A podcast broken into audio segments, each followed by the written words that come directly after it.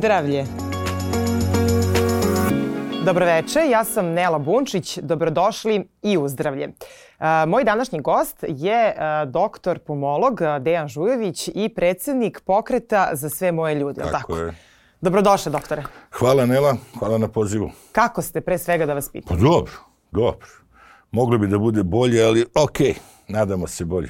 Držite se? Mm, borim, borim. A, do vreme korone vaše zanimanje je trenutno najpopularnije na svetu, još svi pulmolog ovako... Ovaj... Nema nas mnogo, ali smo atraktivni. Da, vrlo ste atraktivni ovih dana.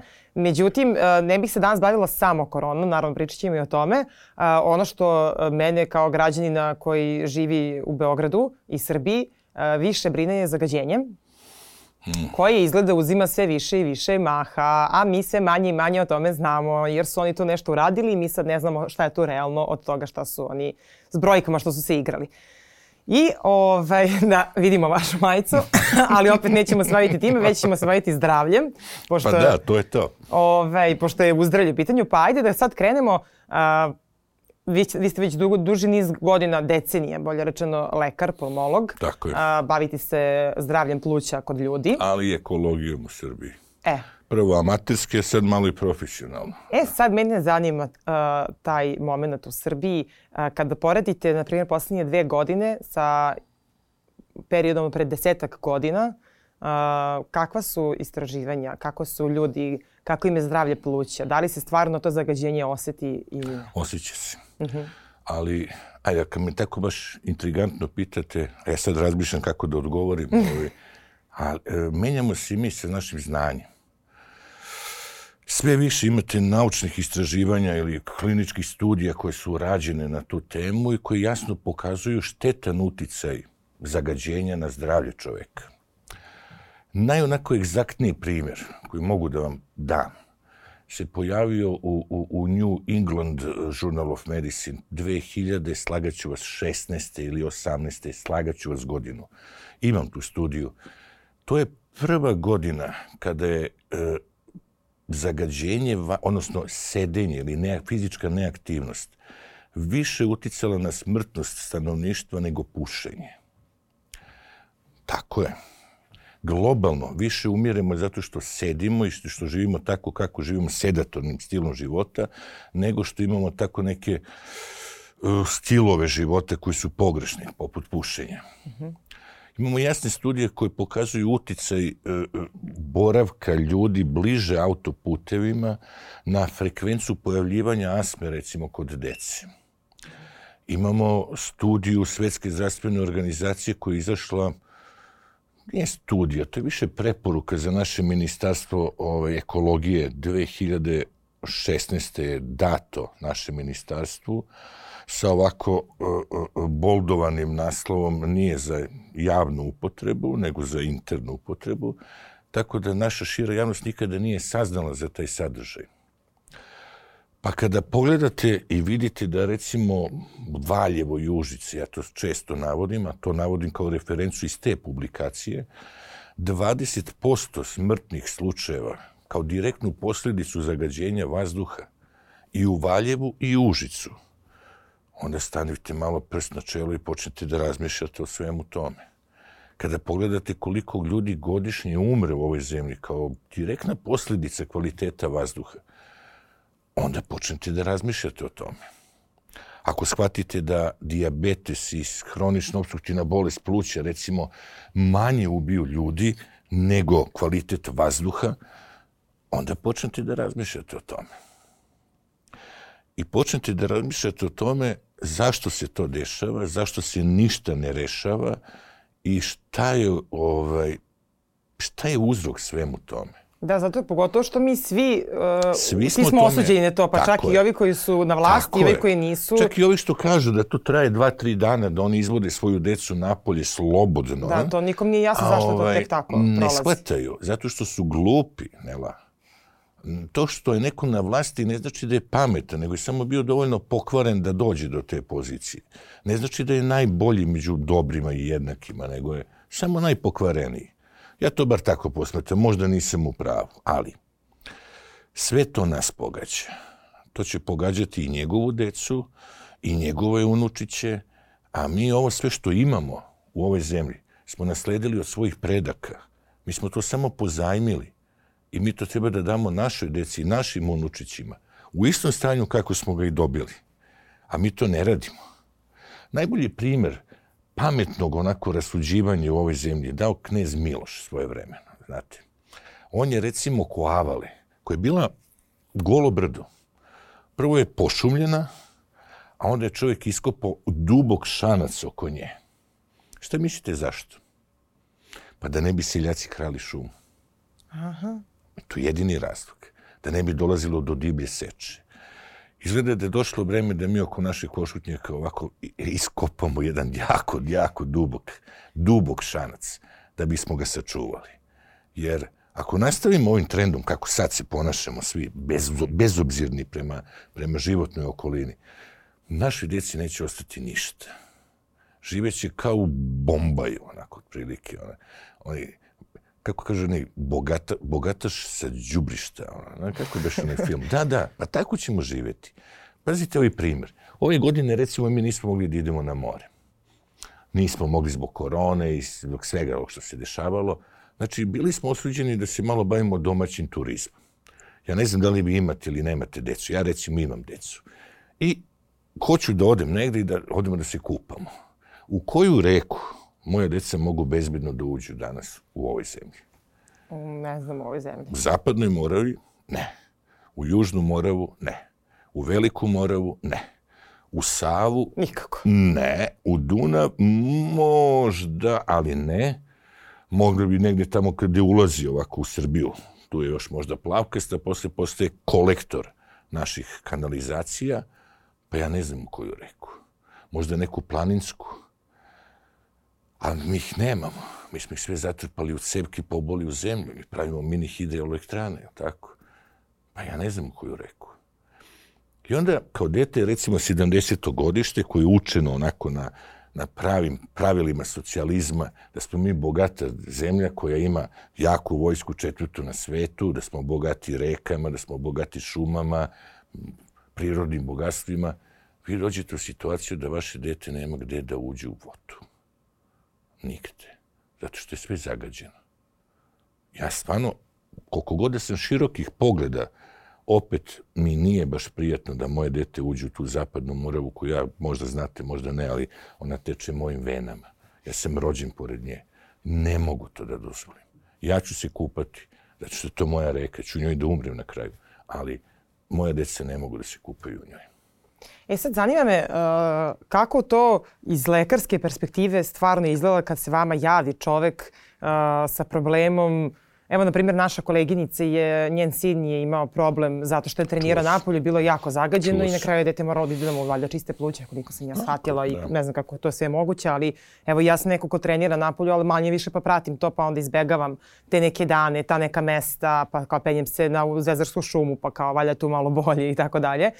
Kako to izgleda ovaj, u praksi iz vaše perspektive i šta uh, tim ljudima se radi na kraju krajeva kada im se pluća toliko nadišu lošeg pa vazduha? Pa ne možete tu mnogo šta da uradite. Znači, ja, ja sam recimo načelnik dnevne bolnice u svojoj, u svojoj kući. Moja služba je koncipirana da služi za svakoga ko dobije teži porebići disanja, ima gušenje. Najčešće za ljude koji imaju astmu ili HOBP, hroničnu obstruktivnu bolest pluća tim danima, kad je ovakav vazduh napolju, mi imamo naravno mnogo više posla. Uh -huh. Mnogo više nam se javlja asmatičara i mnogo više tih hroničnih obstruktivaca u tim danima u pogoršanjima. Imaju jake nedostatke daha. To je nekak jako ružan osjećaj. To ne možete vi prosječnom gledalcu ni da opišete, osim kao kad bi vam neko nabio kesu preko glavi, onako mafijaški oko guše stegao. Uh -huh. Odvratan osjećaj žeđi i gladi za vazduhom. Šta raditi tu? Mi tu naravno da uključujemo i kiseonik, i infuzije, i antibiotika koji iskašljavaju nešto prebojeno, a jako često iskašljavaju, uh mhm. -huh. zato što to bude onako jedna inicijalna tačka da se bakterije koje se nalaze u njihovim plućima više razmnožavaju, probujaju i počnu da prave probleme. E, u ovim danima nije samo to problem. Problem je kod, kod kolega koje se bave kardiologijom. tu ćete imati bar za trećinu više ili češće e, infarkta miokarda. Uh -huh. Naše koronarne jedinice će imati za trećinu bar više posla u danima kad je zagađen vazduh. Naše ustanove poput Svetog Save koji se bave šlogovima, cevijivima, imaće tih dana isto bar za trećinu više posla nego u običajnim danima. Mi, znači, tim danima više opterećujemo zdravstveni sistem i više umiremo. To je direktna posljedica tog kvaliteta vazduha koji mi udišemo. Mi možemo da budemo svesni toga i da budemo odgovorni, da razmišljamo o tome. Možemo i taj problem da guramo po tepih, nije ni to loše rešenje možda, ali dužina našeg životnog veka nas uslovljava da moramo da brinemo o tome. Jer mi kao nacija smo, ja to zovem noćnim leptirima, nacija sa najkraćim životnim vekom u Evropi. Zašto je to tako? A imamo takvu genetiku kakvu imamo. Recimo, vi ja smo potomci dinarskih planina, u nama taj kameni gen nam omogućava, možda i daje nam perspektivu nekog dugog života. Zašto živimo kraće od 70 godina? Vi nešto duže, ja mnogo kraće od vas. Zašto? Pa između ostalog i zbog tog vazduha koji dišemo. Nisu to samo stresovi, nisu to samo neuroze izazvane, ne znam, finansijskom nemaštinom ili... Brzim životom. Br, šta god. u gradu. Znate, ali naši, naše, naše bake i deke su proživljavale dva rata za jedan život svoj. Pa su opet pravile po petoro, šestoro dece, opet živjeli po 80, 90 godina, a mi kraći od njih. Ima to nekog razloga i u nečemu što je samo direktno oko nas. Nije to u nama, nije to samo, ne znam, posljedice televizije i ne znam, neki propagandi gluposti, nego stila života, ali i kvaliteta životne sredine. E sad kad je kvalitet životne sredine, ja ne mogu da baš da promenim kao pojedinac, ne mogu baš da promenim uh, kvalitet vazduha u gradu. Uh, ali na koji način uh, mogu samo i sebi da pomognem da mi se tako neki problem sa plućima ne desi? Šta treba da izbegavam, koje mesto u gradu treba da izbegavam, pa, gdje ja mislim, treba da treniram. Izvinite, Nela, ja mhm. mislim da ste vi krenuli pogrešnim putem. Aha. Ja sam u svemu tome počeo da razmišljam recimo 2012. godine. Uh mhm. -huh. Ja čuvam taj članak, negde sam ga bookmarksovao ovaj, e, e, e, u Blicu, to je bila neka prošla vlast u pitanju, sa idejom da recimo krenu da pobadaju neku mahovinu po našem gradu. Navodno, sad ja vam sad pripričavam taj koncept, Aha. ta mahovina upija sve što je prisutno u vazduhu, pa bi onda ovi naši genijalci recimo za godinu dana tu uzeli mahovinu, bacili malo pod mikroskop u neke spravice i videle koliko tu ima olova, koliko tu ima, ne znam, kadmijuma, la, la, la, čega sve lošeg i onda bi videli kakav je kvalitet vazduha. I vi čitate taj članak, I onako osjetite u tom trenutku kako vam rastu magareće uši. Vidi, prijatelju, nije pojenta šta će posle godinu dana da se ustanovi šta sam ja jeo, šta sam pio, šta sam disao. Ti moraš da imaš sistem koji će mene odmah da obavesti da ja ne ulazim u despota Stefana ili ti nekadašnju 29. novembra, mhm. zato što je inkompatibilna sa životom zbog količine olova ili zbog količine PM 2,5 ili 10 čestica, a ne da mi skupljaš mahovinu i da me obaveštavaš šta sam se sve, čime sam se trovao prethodne godinu dana. I onda shvatite suludost da, da, da, da o toj priči, tom pričom se bave neki likovi koji nemaju blage veze sa životom. Onda počnete malo da malo da idete u tu materiju to je bila inicijalna kapisla zašto sam ja počeo da razmišljam o kvalitetu vazduha. Uh -huh. E, onda su se pojavile aplikacije koje su se pojavile za Android, pa da pratimo malo. Te aplikacije najčešće povlače podatke iz državnih mjernih stanica. Onda shvatite koliko je malo tih mjernih stanica. Onda svaka treća ne radi. Tako je. Nekako interesantno, baš u danima kad očekujete neke onako užasne rezultate, one baš i ne rade onda vidite koji gradovi su pokriveni, a koji nisu, pa shvatite da tu baš imamo problema. A onda malo krenete da komunicirate sa ljudima koji rade u, u Ministarstvu ekologije. To su neki anonimni heroji, znate, oni diskretni heroji koji nemaju imena. Nisu politički tu završili, nego zato što stvarno vole tu materiju. I oni vam otvore dušu u nekim privatnim razgovorima. Ja to nikad neću spomenuti ime, prezime, mm -hmm. niti otkriti svoj izvor. Ali onda spoznate sav očaj situacije u ovoj zemlji. I onda, ja ne bi toliko baš brinuo gde ću da trčim, nego gde ću da nađem mortače da izađemo na ulicu i da izvršimo jedan konkretan pritisak na neodgovorne ljude da se malo pozabave ovim problemom. Jer ovo što je napolju, nije to posljedica automobila, što bi rekao možda najbolji pravnik svih vremena, ali to nema veze sa istinom. Automobili vam u ovome učestvuju maksimalno od 10 do 20%.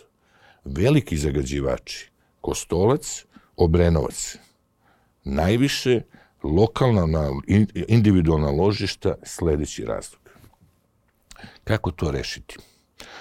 Mi smo za Kostolac kupili filtere neke famozne, platili ih skoro milijardu dolara, ti filteri nikada nisu implementirani. Zašto? Ko ih je kupio? Ko je potpisao taj ugovor i zašto oni ne funkcionišu? Pitanje. Izražavam osnovanu sumnju da tu ima nekih koruptivnih elemenata. Hajmo da razgovaramo o tome. Individualna ložišta Zašto nema gasifikacije? Zašto bi gasifikacija morala da bude izvor prihoda za državu? To ne bi smeo da bude izvor prihoda, ne bi smelo da bude globljenje naroda, skidanje kože sa leđa. To mora da ima cenu koja će biti samo da država bude na nuli, što bi se nekog biznisa ticalo, ja? Bajatovića. Nula, da bi ovaj vazduh bio čist. Zašto ja na Voždovcu imam zgrade koje su gasifikovane, zašto imam privatne kuće koje i dalje izbacuju sve i svašta iz svojih odžaka. Zašto ti ljudi nisu uveli gas? Bilo im je skupo. Ako je priključak se plaća ne znam koliko hiljada evra, zašto? Pa neće to nikad uraditi. Nema čine, da. Onda imate primere, recimo, manjih zajednica, poput Kraljeva, mog rodnog grada. Imate organizacije koje imaju merače i idu gradom i primećuju da recimo neki delovi grada poput Sijaćeg polja, koji je recimo najniža tačka u celom Kraljevu, ima užasne rezultate što se tiče kvaliteta vazduha. Krenu malo da se bave time i da znate do kakvog zaključka doću. Da ta siromašnija, taj siromašniji deo populacije idu na pijacu i kupuju džakove, ogromno nevelike džakove, prepune garderobe, istrošene patika, jakni, treša, da raznog, i ubacuju umesto peleta u svoja ložišta i to loše. E pa vidite, vi onda to ne možete na državnoj mernoj stanici ušte da detektujete. Tu nema problema sa PM 2,5 i 10 česticama. Tu imate problem sa nekim benzaldehidima koji vas, ali ubijaju direktno. To su tako kancerogene materije koje izlaze kroz te dimljake da je to strašno. I onda se pitate zašto muškarac ovdje živi 68 godina. Pa eto, zato živi. Zato što diše to što diše, zato što jede to što jede i zato što sluša to što sluša. Dobro, zagađenje znači utiče i na naša pluća, i na našu vodu, i na našu hranu. Na jer... ceo vaš organizam utiče. Dobro. Zagađenje vazduha utiče na svaki vaš organ. Svaki, ne na pluće samo. I na vaše srce, i na vaš mozak, i na vašu jetru, na svaki organ u vama. E sad, e, šta osoba kao pojedinac može da učini da bi izbegla to toliko zagađenje, osim da izađe na ulicu, da se sad tu mače, mačuje i tako dalje, već šta mi možemo na da dnevnom, na dnevnom nivou da, da uradimo da za sebe, na primer, ljudi koji žele da prešetaju decu, gde da ih šetaju? Naprimjer, evo u Beogradu, gde da šetamo decu kad je malo više zaga... Ja nemam decu, ali evo... Da budem ciničan malo. Mogu da budem ciničan? Nemojte. Pa onda neki izađu u tržne centre pa neki šetaju. Kao što ih šetaju. Ne, Ako je to, pa to je glavno neko... šetalište naše dece u današnje vreme. Ne, evo mi koji imamo kučiće. Pa vi koji Njih imate ne možemo, manjak... imamo kuću od 30 kila. Ne e, može u tržni centar. E, vidite, ja sam probio i tu barijeru. Ja sam ušao sa psom od 40 kg u tržni centar. Lepo sam objasnio da je on trenutno ta crnkinja koja ide sa zadnjeg sjedišta na prednje i da je trendsetter. I samo sam čekao kad će neko da dođe da mi priđe, da mi kaže da moramo da izađemo. Zašto bi neki bišon imao više pravo od mog labradora? Ja se s tim popuno slažem, pa ali to sada ovde pa nije tema. Pa nije tema. Da, ali me zanima, tema, evo, praktično da kažemo ljudima. Zašto biste vi bežali? Zašto biste, vi, za, zašto biste se vi povlačili? i tražili neke zdrave kutke ove zemlje da pobegnete, da biste prošetali svoju decu. Vi morate da ih pohvatate za gušu i da ih naterate da svaka tačka u ovoj zemlji ima taj čist vazduh. To je poenta. E zato morate da nađete drugare i da izađete na ulicu. Ja bi sve ove ljude koji sad gledaju ovu emisiju pozvao da desetog izađu na Slaviju i da pokažu snagu zdrave Srbije, pametne i lepe Srbije. Nije ovo politika uopšte. Ovo je borba za sutrašnje vaše dete i za ovu moju postojeću decu da bar mogu da imaju neki životni vek poput svojih drugara iz Švedske.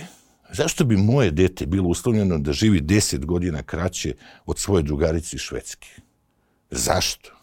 Jer taj šveđani neki uber menš, neki, neki nad čovek. Jesmo mi niža bića koje su ono osuđene na, na život upola? E pa nismo. Lepi smo, pravi, zdravi. Pogledajte kakvi smo. Šta nam hvali, što bi rekli kosovari? Ma ne fali nam ništa, samo malo pameti i malo čvrstine u svemu. A to nam treba, to ćemo da pravimo. A, dobro, a, ajmo se vratimo onda na lekarsku, na lekarsku ovaj, a, perspektivu. A, pored zagađenja to je i korona koja je sad ovaj, popularna za njih godinu dana. Evo, slavimo je uskoro godišnjicu postojanja. U daj. Da, da, da, da, da dumu svećice. I e, šta se sve dešava sa plućima čoveka koji ima i koronu, i zagađen vazduh, a usput i pušač? Češće U, sad. Sve pa, džumle. Sad te imaginarne to, ne znam, mene su učili u životu da je pušenje nešto najstrašnije i ono, Jest. uvek je bilo nacrtani oni rakovi pluća i tako dalje. Ja ne znam, putujete li negde po Evropi, recimo po svetu? Ne, Putujem. Van ovo. Pa, pre, do pre godinu dana, da. Dok Zadnji put sam putovala u martu. Mislim, Jeste ajde. nekad doživjeli da uđete u hotel i da pitate da li imaju pušačku sobu? Ne, nisam pušač. E. Okay. I oko, u ja sam svoje vremeno bio pušač. Aha. I onda dobijete odgovor kroz izraz lica kao da ste rekli da ste HIV pozitivni, da želite da vodite ljubav sa njim. E tako vas pogleda. I onda vi shvatite da nešto ozbiljno nije sa vama u redu. I počnete da se preispitujete. I ovaj, vremenom dođete, naravno, i kao čovjek koji se bavi tim bolestima, kao čovjek kome otac umre od karcinoma pluća, do spoznaje da bi možda trebalo da se raskine sa tim ružnim porokom. I raskinete bez ikakvih problema. Pušač, teorija neke postoje da oni kao teže oboljevaju od korone. Navodno zbog hiperplazije njihovog epitela u plućima, ti receptori nisu baš na izvolte za koje treba da se veže virus. To kaže teorija nekih ljudi. Ali ono što ja znam, da on ima 2,5 puta veću šansu da završi na respiratoru nego vi kao nepušač. Mm -hmm. Tako da ljudi, nemojte se tešiti da vam je ovaj, taj najgori poruk od svih poruka neka zaštita od ove pošasti. I e, jeste da to je to je ovaj priča koja ide po gradu kao znaš kao nama je nataloženo na plućima pa, pa kao nas korona neće. čekam kad će kokain da dođe kao idealan lek za, za, za, za koronu. Kako Rekao. da ne? Ma važi. To je to.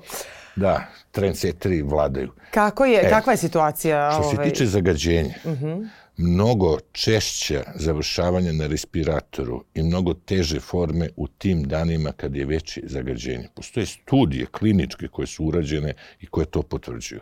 U eminentnim medicinskim časopisima, znači reference su pouzdane, da ne pričam sad ne znam nija šta. E, loše kombinacije, definitivno loše. Uh mhm. -huh. Pa to se i ogleda u našem procentu hospitalizacije. Ajde ovako da postavim pitanje. Mi, nama se hospitalizuje 30%, čak preko 30% obolelih. Ono što se očekuje bi bilo da bude negde između 10 i 15%. Zašto mi imamo toliko visok procenat hospitalizovanih pacijenata? E, ja imam možda odgovor na to, da, hoću da, ja vas da pitam. Ma, da. Um, preko, te kad je počela ovaj, korona i kad je, na primjer, preko leta je bio malo veći broj uh, obolelih, nije baš bila takva frka u bolnicama kao što je sada, ali tako?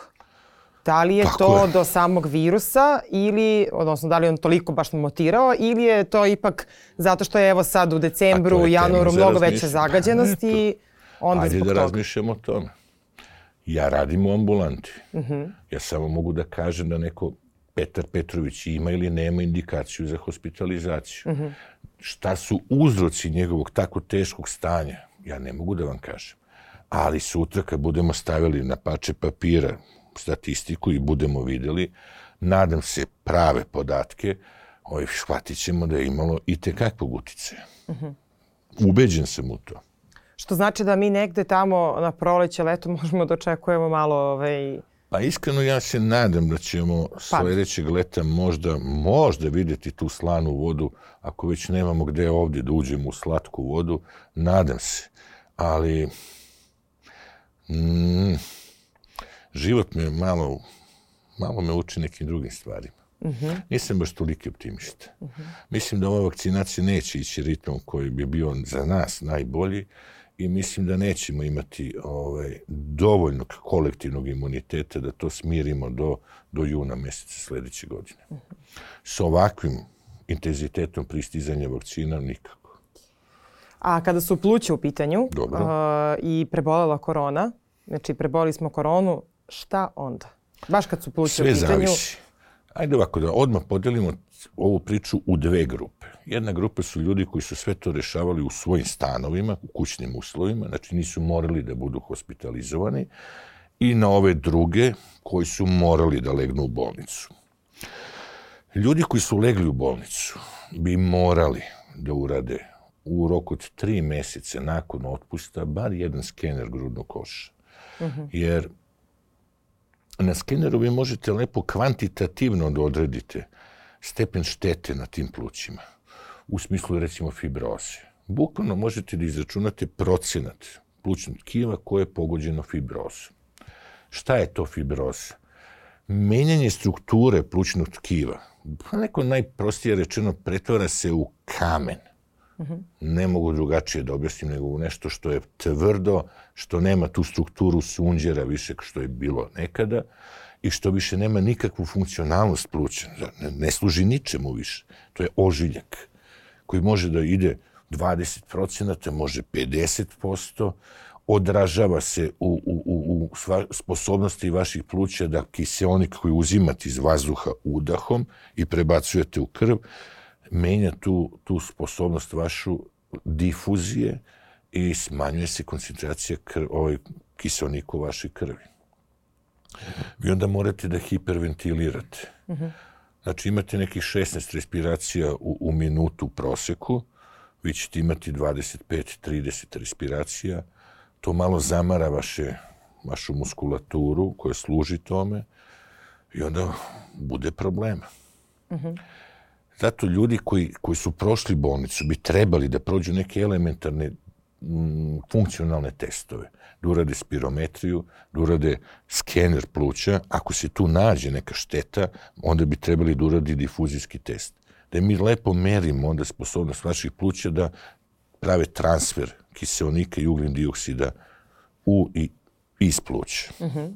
A šta ćemo s ovima što nisu bili Ovi koji su prošli kućno, oni ne moraju baš da prolaze tu neku tešku proceduru. Oni bi trebali sami sebe malo pažljivije da prate. Ljudi moraju da shvate da ovo po mom nekom, ili stvarno mom nekom ličnom mišljenju, lepo napravljena stvar, koja je napravljena da nas onako baš lepo povredi. Uh -huh. I to bukvalno cenim prema sebi. Ja sam u maju bio hospitalizovan, danas je januar, ja i dalje imam simptome neke koje su meni neobjašnjivi na drugi način nego samo time. Ako ih pre tog maja nisam imao nikad u životu, a danas ih i dalje imam, to je to. Nema šta drugo da bude. To je ovo besomučno znojenje koje me muči i dalje, muči me poremećaj sna, muči me gubitak nekih aerobnih funkcija koje sam imao i sposobnosti koje sam imao, znači mogao sam da trčim bez problema, sada moj taj neki kardio deo je totalno poremećen, taj an aerobni deo mojih sposobnosti je ostao, ja mogu da odem u teretanu i da dižem tegove bez problema, 10 tona železe prebacim po treningu bez ikakvih problema. Ali dodajte do maksija trčićim korakom teško. ili da se vratim sa dve kese nazad, to baš bude podvig. Praćen obilnim znojenjem i disanjem, kad biste me pozvali na telefon, prvo biste me pitali što dišete, tako šta vam je. Uh -huh. To je to. To nije normalno. Ali, znači, ljudi mora, oni ne trebaju, ne trebaju da budu previše strogi prema sebi. Vi ste imali neke performanse pre nego, pre nego što vam se to dogodilo. nemojte očekivati iste performanse ni mesecima nakon ozdravljenja. Morate biti strpljivi i manje strogi prema sebi. Jer tu bude dosta frustracije. Onda bude baš onako nekih anksioznih reakcija kao šta je sad, a, a. Ja pacijente uporno smirujem i kažem, ok, to je sve normalno. Nemoj samo da, da ono ljutiš se na sebe, nisi ti ništa kriv, pa i nije kriv on ništa tu. Samo malo strpljenja. Doći će to na svoje, valjda. To mu bar ne kažem. A, doktore, hvala vam puno na današnjem gostovanju. Hvala Nela na pozivu. A, nadam se da ste zapamtili nešto pametno i korisno iz a, gostovanja a, doktora Žujevića u ovom podcastu. A, kao što je i sam doktor rekao, moramo i mi sami da vodimo računa o našoj zemlji.